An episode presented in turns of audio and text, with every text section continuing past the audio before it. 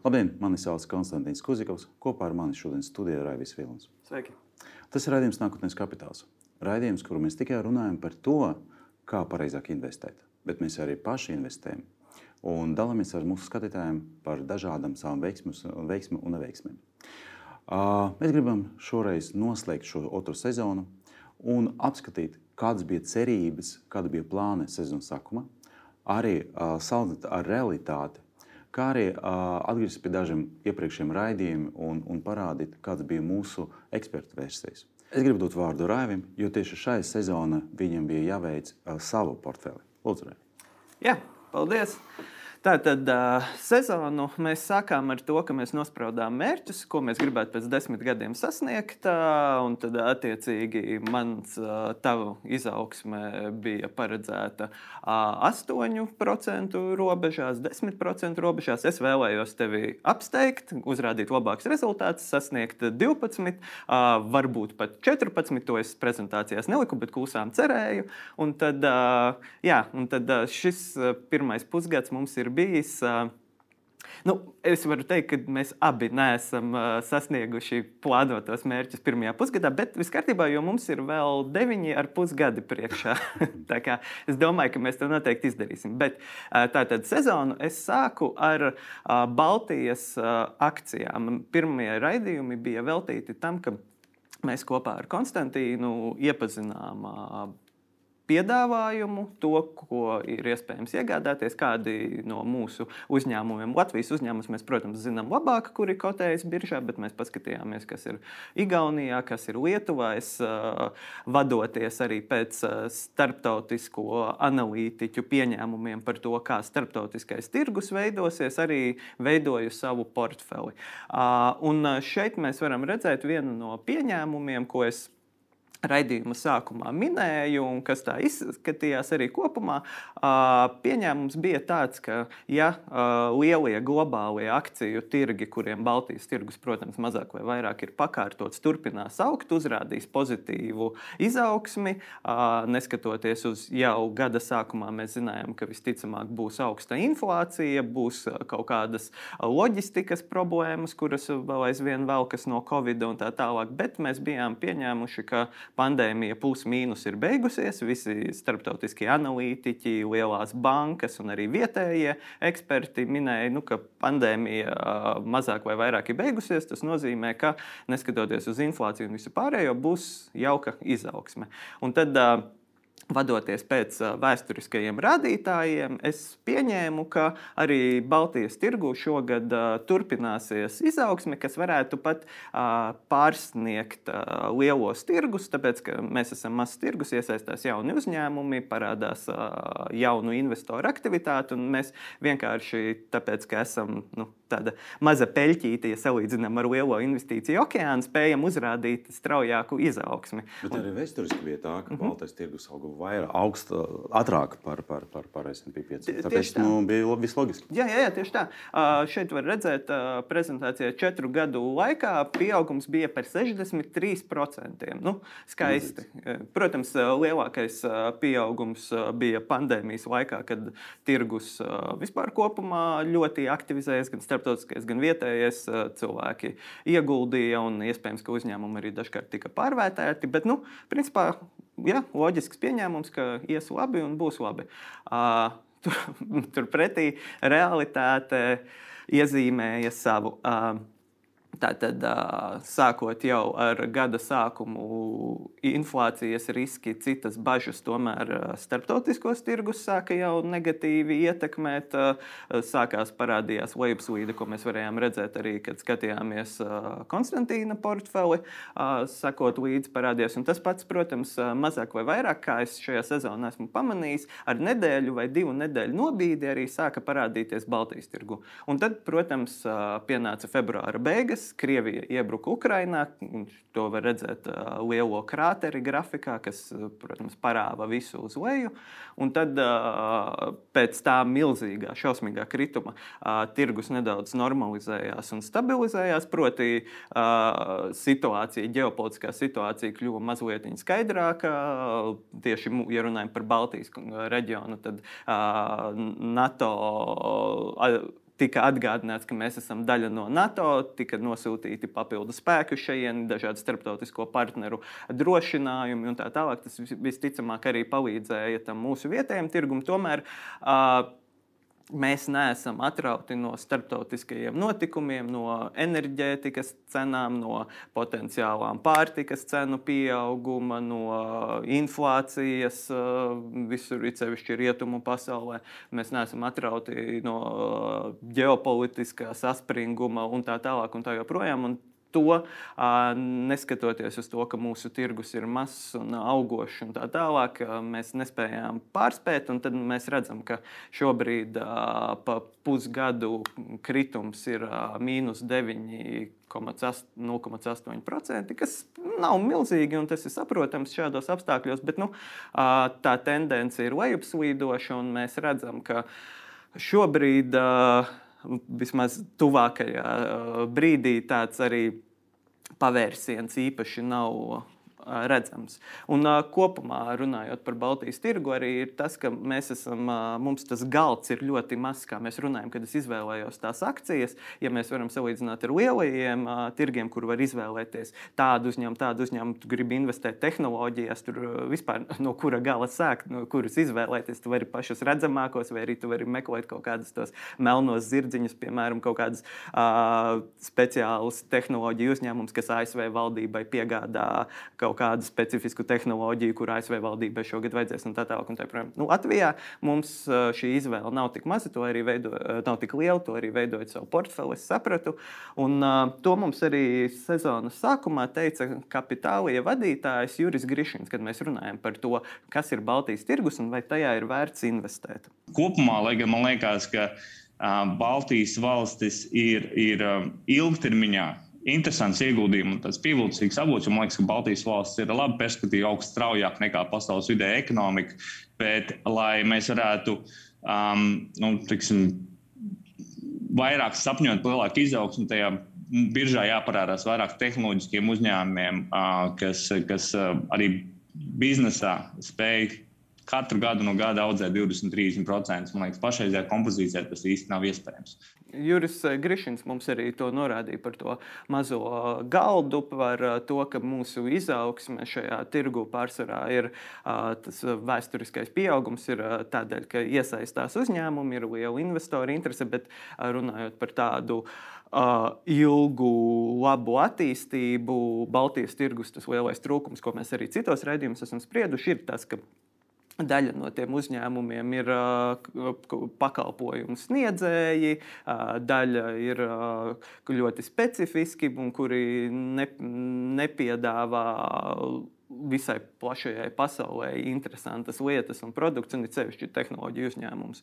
Un tā ir viena no tām lietām, ko šajā sezonā mēs par Baltijas tirgu varējām mācīties. Ir tas, ka uh, Baltijas tirgus ir, kā Juris Grišņš saka, labs, interesants, un arī mans portfelis uh, kopumā mani apmierina, kā jau pagājušajos raidījumos mēs spriedām. Es esmu apmierināts ar uh, kopējo dinamiku, kopējo attīstību, un uh, tas, kas šobrīd notiek, ir pilnīgi normāli. Bet, uh, Nākotnē mums visiem ir jācer, ka ar vien vairāk uzņēmumu, kas arī starp citu notiek šogad, arī vairāk uzņēmumu plāno iesaistīties Baltijas tirgu kotēt akcijas un uh, iesaistīties um, tirgot. Un tad, tad arī tā izaugsme varētu būt lielāka un varētu arī būt stabilāka. Tomēr, uh, kā mums pierāda grafika, mēs neesam uh, imūni no visas pārējās pasaules.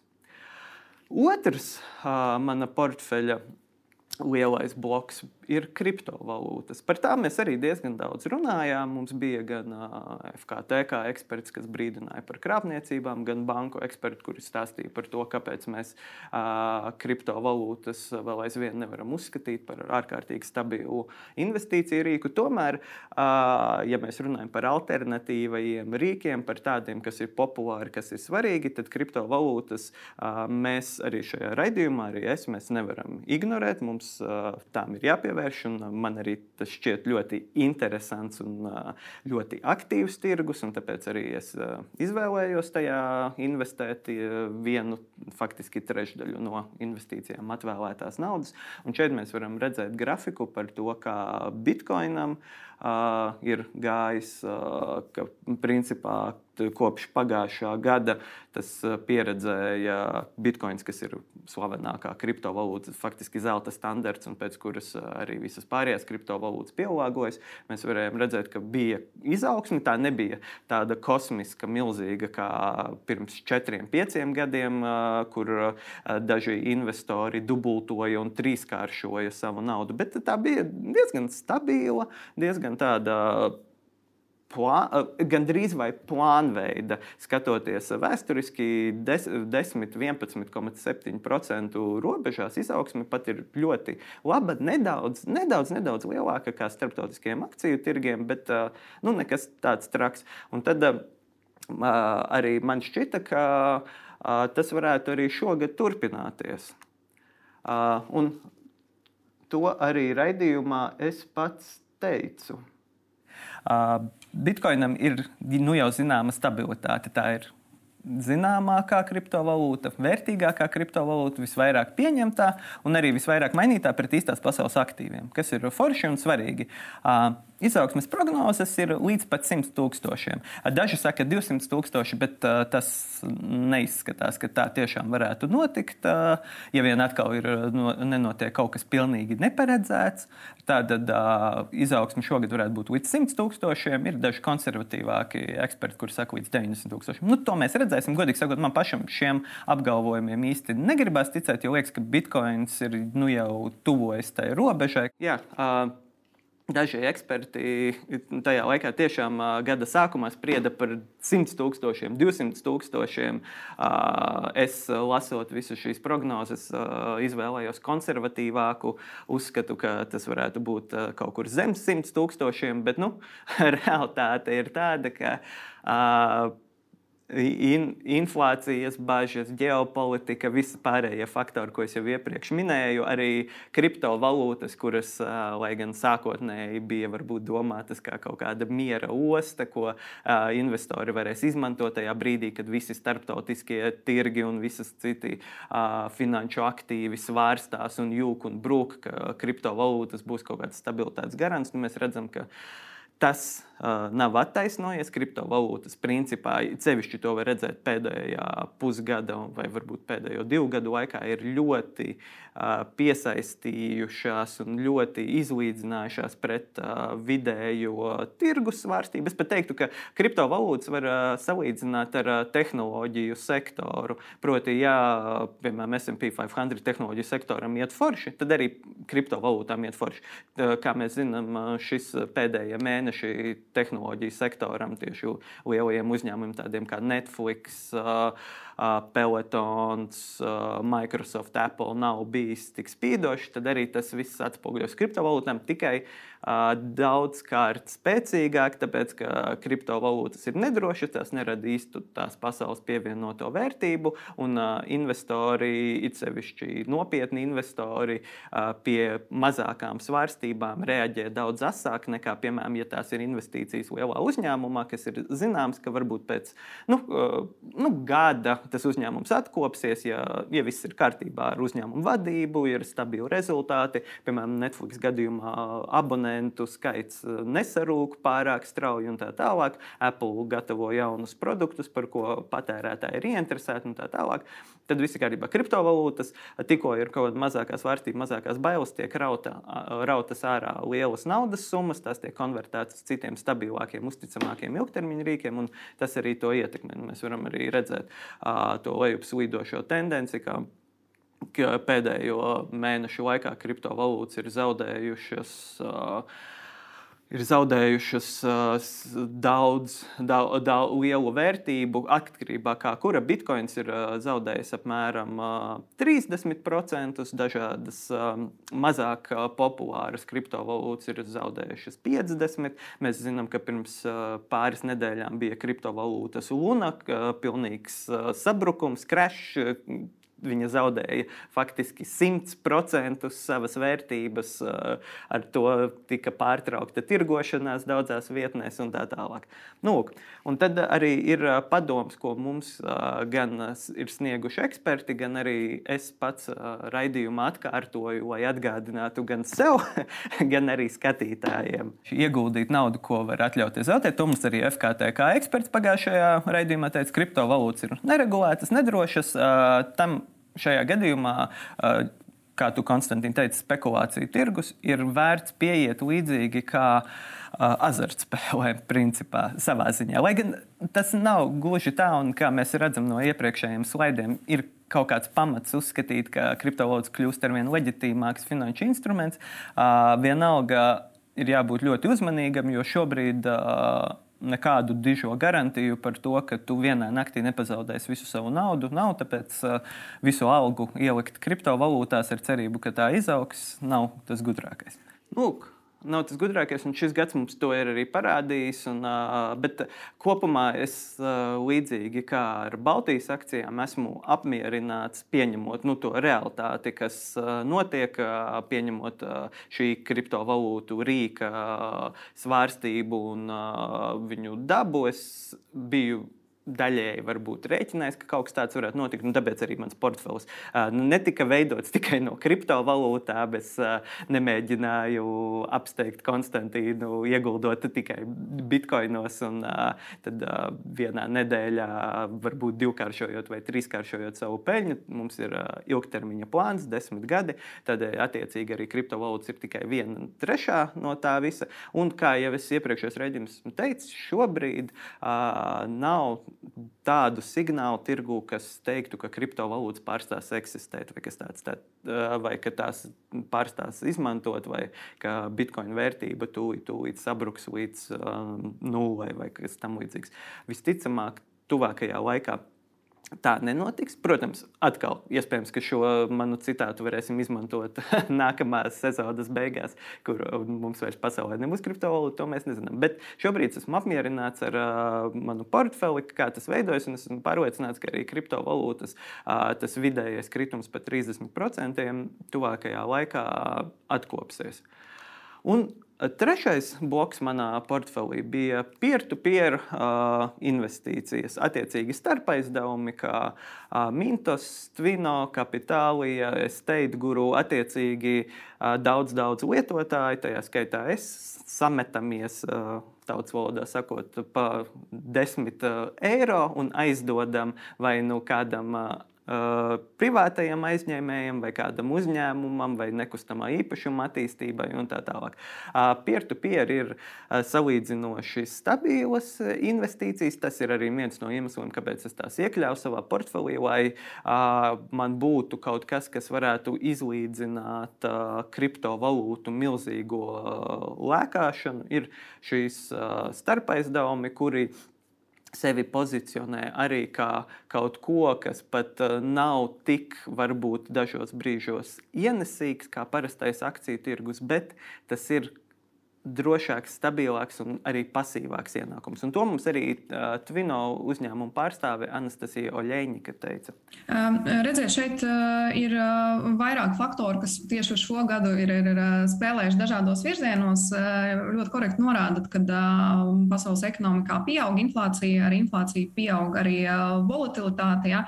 Uh, nu, tā vienmēr ir, kad mēs sagaidām augstāku atdevi, tad, tad mums arī ir jābūt gataviem, teiksim, īstermiņā varbūt pie tās atdeves nespēt nonākt kaut kādā ziņā. Ja, un, līdz ar to, nu, runājot par akciju tirgiem un par kaut kādu aktīvāku alokāciju enerģijas sektoram, nu, tas ir tāds vairāk spekulatīva investīcija pieeja. Ja? Nu, tātad šogad es sagaidu, ka augs enerģētikas sektors, es ieguldu enerģētikas sektorā, un es ceru, ka tad, kad viņš pārstās augt, es pareizajā brīdī to naudu atbrīvošu un šīs akcijas, piemēram, pārdošu. Uh, Mēs nekonkurējam ar šāda veida investīcijām, un arī mūsu investors nav tas klasiskais investors, kas mēģina iegūt atdevi, kas ir lielāka par šo tirgus vidējo atdevi ilgtermiņā. Jo, kā jau iepriekš minēju, ja, lai arī šādā konkrētā gadījumā atdeves varētu būt zemākas, tas naudas plūsmu prognozējums, prognozējums un, un volatilitāte arī ir attiecīgi zemāka. Lūk, un, tas arī ir pierādījies, ka brīdī, kad kriptovalūtas ir nokritušas eh, ļoti, ļoti zemu, kad Baltijas akciju tirgumu nepārāk veicas. Manā portfelī nelielu, bet pozitīvu ienesīgumu nes tieši peer-to-peer investīcijas. Eh, tas pagaidām ir vien dažos procentos mērāms, ko es esmu ieguvis, bet ņemot vērā, ka tas ir arī trešais bloks, kurā es visvēlāk investēju, tad arī visticamāk, ka sezonai ejot uz priekšu, atdeve palielināsies, tas procentuāli pieaugs. Un, ja kriptovalūtas strauji neatgriezīsies vecajā pozīcijā, tad vismaz peer-to-peer -peer būs tas, kas kaut kādā ziņā varēs mēģināt izlīdzināt un radīt stabilitāti šajā manā portfelī. Un tā, tas uh, par manu portfeli un to, kādas uh, bija prognozes, kas piepildījās un kas nepiepildījās. Uh, ir pateikts. Tagad ir kārta pastāstīt, kā Konstantīnam ar savām SP 500 zilo čipu akcijām ir gājis šajā pusgadā. Nu tad, atgriežoties pie parastām akcijām, pie amerikāņu tirgu, tad kādas bija prognozes un kāda ir realitāte? Sāksim ar to, kā gada sākuma ir apkopojums no dažādām bankām. Uh, Tajā laikā, gada sākumā, SP 500 reitings bija 4,7 tūkstoši, gandrīz 4,8 tūkstoši. Un uh, lielākā daļa no visām bankām prognozēja, ka būs pieaugums. Nu, vidē 8,3, maksimāls 3,4. Realitāte ir sekojoša, ka uz šo brīdi, jūnijā, mēs esam uz 4,1 un uh, šī liknieta ies uz leju. Uh, gan tāpēc, ka centrālās bankas, īpaši ASV centrālā banka, turpina uh, palielināt uh, kreditlikmes, gan arī samazinās akciju pirkumiem, ko centrālā banka veica, lai stabilizētu tirgu. Tas nozīmē, ka mums sagaidīs situācija, kad mēs redzēsim, ka SP 500 reitings turpina iet uz leju. Vai tas būs tikpat strauji kā pirmā pusgada, šaubos, ja nebūs kaut kāda ārēja faktori. Bet fakts ir tāds, ka mēs noteikti nerunāsim ne par 4,8, ne par situāciju, kad mēs atgriezīsimies atpakaļ pie tā, kas ir bijis. Kas vēl? Gada sākumā mēs runājam par dažādiem faktoriem, kas ietekmē uz to, Kāpēc S&P 500 reitings pārtiet uz leju? Ka galvenā faktora bija pieminēta Covid-19 un inflācija. Interesanti, ka vienmēr ir tas saucamais uh, melnagubja faktors. Šogad tas bija karš. Bet vai karš tiešām ietekmē, vai tas bija tikai īstermiņa, tas bija ilgtermiņa? Par to mēs runājam ar Mārtiņu Purgaili no Svetbankas. Un, uh, viņam ir savs viedoklis par to, kā karš ietekmē uz ASV tirgu. Kā, kā minēja, karš ir un tas ir viens no tādiem šokējošiem faktoriem, kas ir ienācis papildus, kas pirms tam nu, gada sākumā mēs, mēs neredzējām. Uh, Jāsaka, gan tas, ko mēs redzam šobrīd, un tas ir pietiekami arī pārsteidzoši, ka šis karš uz tādiem lielākiem pasaules finanšu tirgiem to ietekmi negatīvā formā, nu, tas kritums nav bijis tik izteikts, kā nu, es teiktu, kā es būtu domājis pirms, pirms, tas, pirms karš sākās. Ja? Tas ir viens no tādiem unikāliem brīžiem un unikāliem secinājumiem, ka kara ietekme uz finanšu tirgiem nav tik liela, kā sākotnēji varētu būt bijis domāts. Ja? Kāpēc? Viens ir tas, ka eh, pēc būtības nu, ir sankcijas. Tas ir tas negatīvais efekts, kuru mēs eh, noteikti redzēsim. Eh, tas vēl nav aprēķināts, un tās konkrētās lietas, kurā momentā, kuras nozares būs ļoti ietekmētas, varbūt nu, līdz pilnīgai tādai precīzai detaļai nav aprēķināts. Ja? Un arī noskaņojums. Nu, ir, ir ASV tomēr arī lielākais pasaules tirgus. Un, Noteikti tur tā uztvere, ka eh, šīs konflikts ir nedaudz tālāk no viņa paša pasaules, nu, kur viņi dzīvo. Eh, tas arī varbūt eh, nerada tik lielu izteiktu svārstīgumu šajā, šajā tirgu. Kā mēs tikko redzējām, Mārtiņa Purgēla no Svetbankas viedoklis ir saistīts ar to, ka karš ilgtermiņā neietekmē.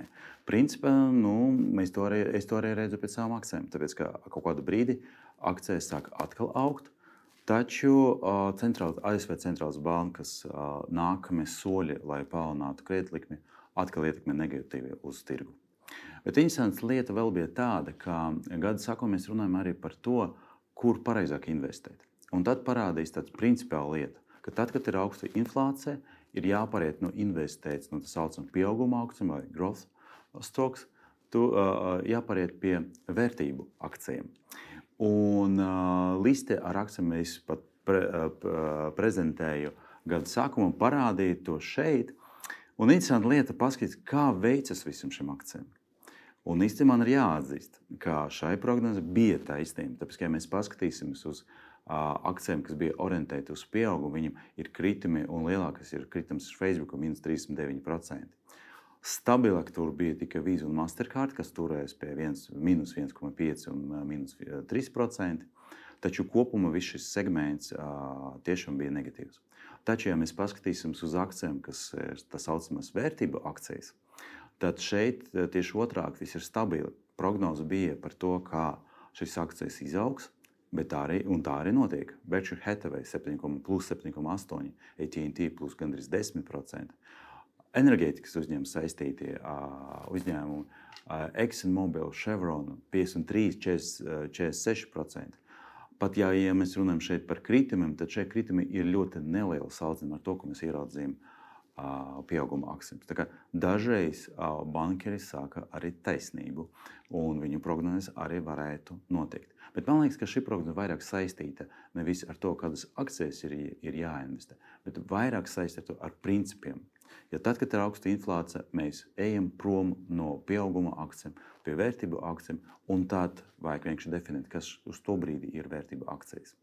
Un, uh, man ļoti patika šī ideja, tāpēc, ka es vairāk redzēju dažādus avotus, ka tieši tagad ir jāizdara tur, tur, tur, tur. Un pēc kāda laika es redzu, ka nu, nē, arī šajās akcijas krīt.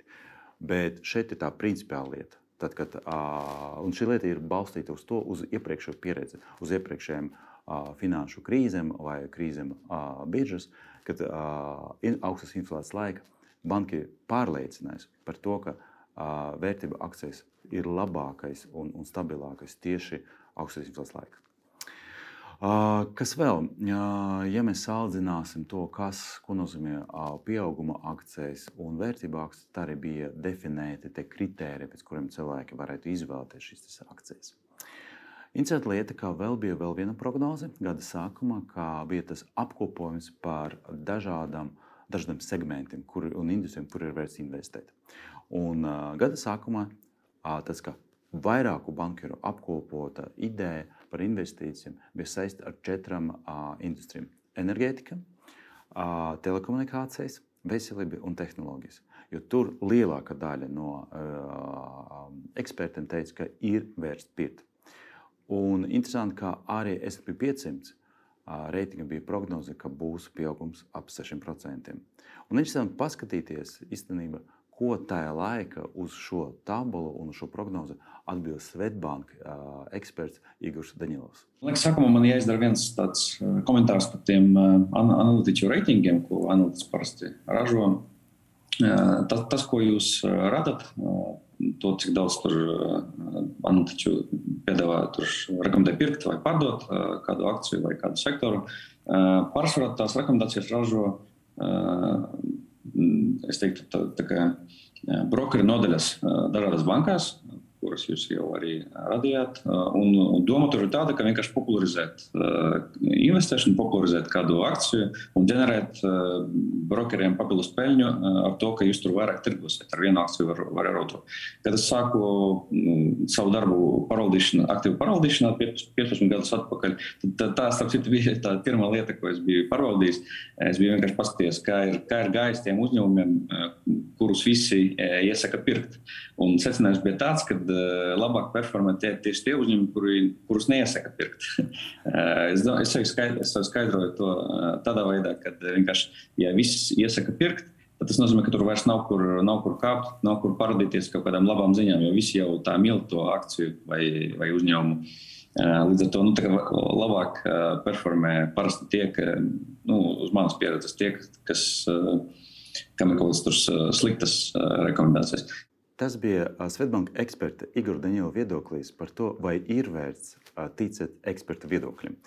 Interesanti lieta, ka vēl uh, Warren Buffett pateica jau sen par to, ka, ja jūs nezināt, kurš ir galvenais muļķis uh, tirgu, tad visticamāk jūs esat tas muļķis. Tāpēc, ka visi mēģina pārdot sliktas akcijas tieši jums. Bet labi, tas bija tāds interesants viedoklis, un man ir jāatzīst, ka Igoram bija taisnība. Tāpēc, kā, ja mēs paskatīsimies, kā performē pēc visām šīm prognozēm šie segmenti, tad mēs redzam divus segmentus, kas performē pozitīvi. Tas bija enerģētikai plus 65% un komunāla pakalpojumi. Un es gribu pievērst uzmanību, ka faktiski komunāla pakalpojumi aizņem priekš pēdējo vietu pēc uh, ieteikumiem pirkt vai nepirkt uh, šīs segmenta akcijas. No top četriem populārākiem segmentiem, ko vēl gada sākumā uh, eksperti ieteica investēt, īstenībā trīs no viņiem bija ar negatīvu rezultātu. Un vēl kas ir interesanti, telekomunikācija ir lielākais negatīvs rezultāts, un arī tehnoloģija ar minus 18% ir otrais sliktākais rezultāts. Dažreiz ir jāvērts ekspertiem, tad, kad mēs runājam par vērtību un par pieauguma akcēm, bet tā prognoze bija balstīta uz vēsturiskiem datiem. Kā agrāk, tad, kad bija dažādi, dažādas krīzes saistītas ar inflāciju, tad uh, tirgus pārliecinās par to, ka vērtību akcijas ir uh, vērts, lai, lai ieguldītu tājas. Taču, tad, kad mēs runājam par prognozēm uz nākotni, tad ir jāatzīst, ka eksperti ļoti slikti to prognozi. Nu, un pašu noslēgumu gribu parādīt, kā man veicas ar manu portfeli. Tā kā pašu laiku ir ieguldīts 1850 eiro, vērtība ir 1658 eiro, un tad šo brīdi ienesīgums ir minus 10%. Ir dažas akcijas, kas performē pietiekami labi, un viņi tiešām ir tas saucamās vērtību akcijas.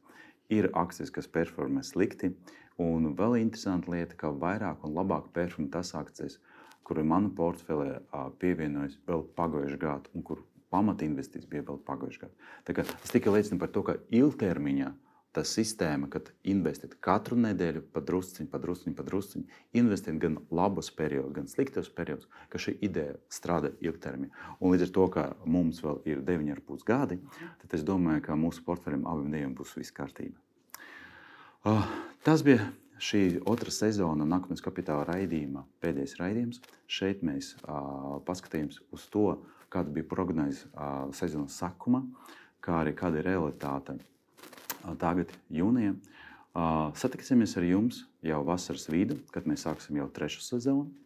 Un kad mēs aicināsim privātus uh, investorus un pārunāsim ar viņiem, kā viņi reāli tagad investē šajos apstākļos un kādu ieteikumu viņi var dot mūsu ar Raivi portfelim. Un atgādināšu jums visiem, ka mēs arī turpināsim visu vasaru publicēt pa pirmdienām portāla Delfi biznesa apskatus par to, kā mums veicas ar mūsu portfeliem nedēļas laikā. Paldies jums par to, ka jūs bijat kopā ar mums un tiekamies jau augustā, kad sāksim jau trešo sezonu. Paldies! Paldies!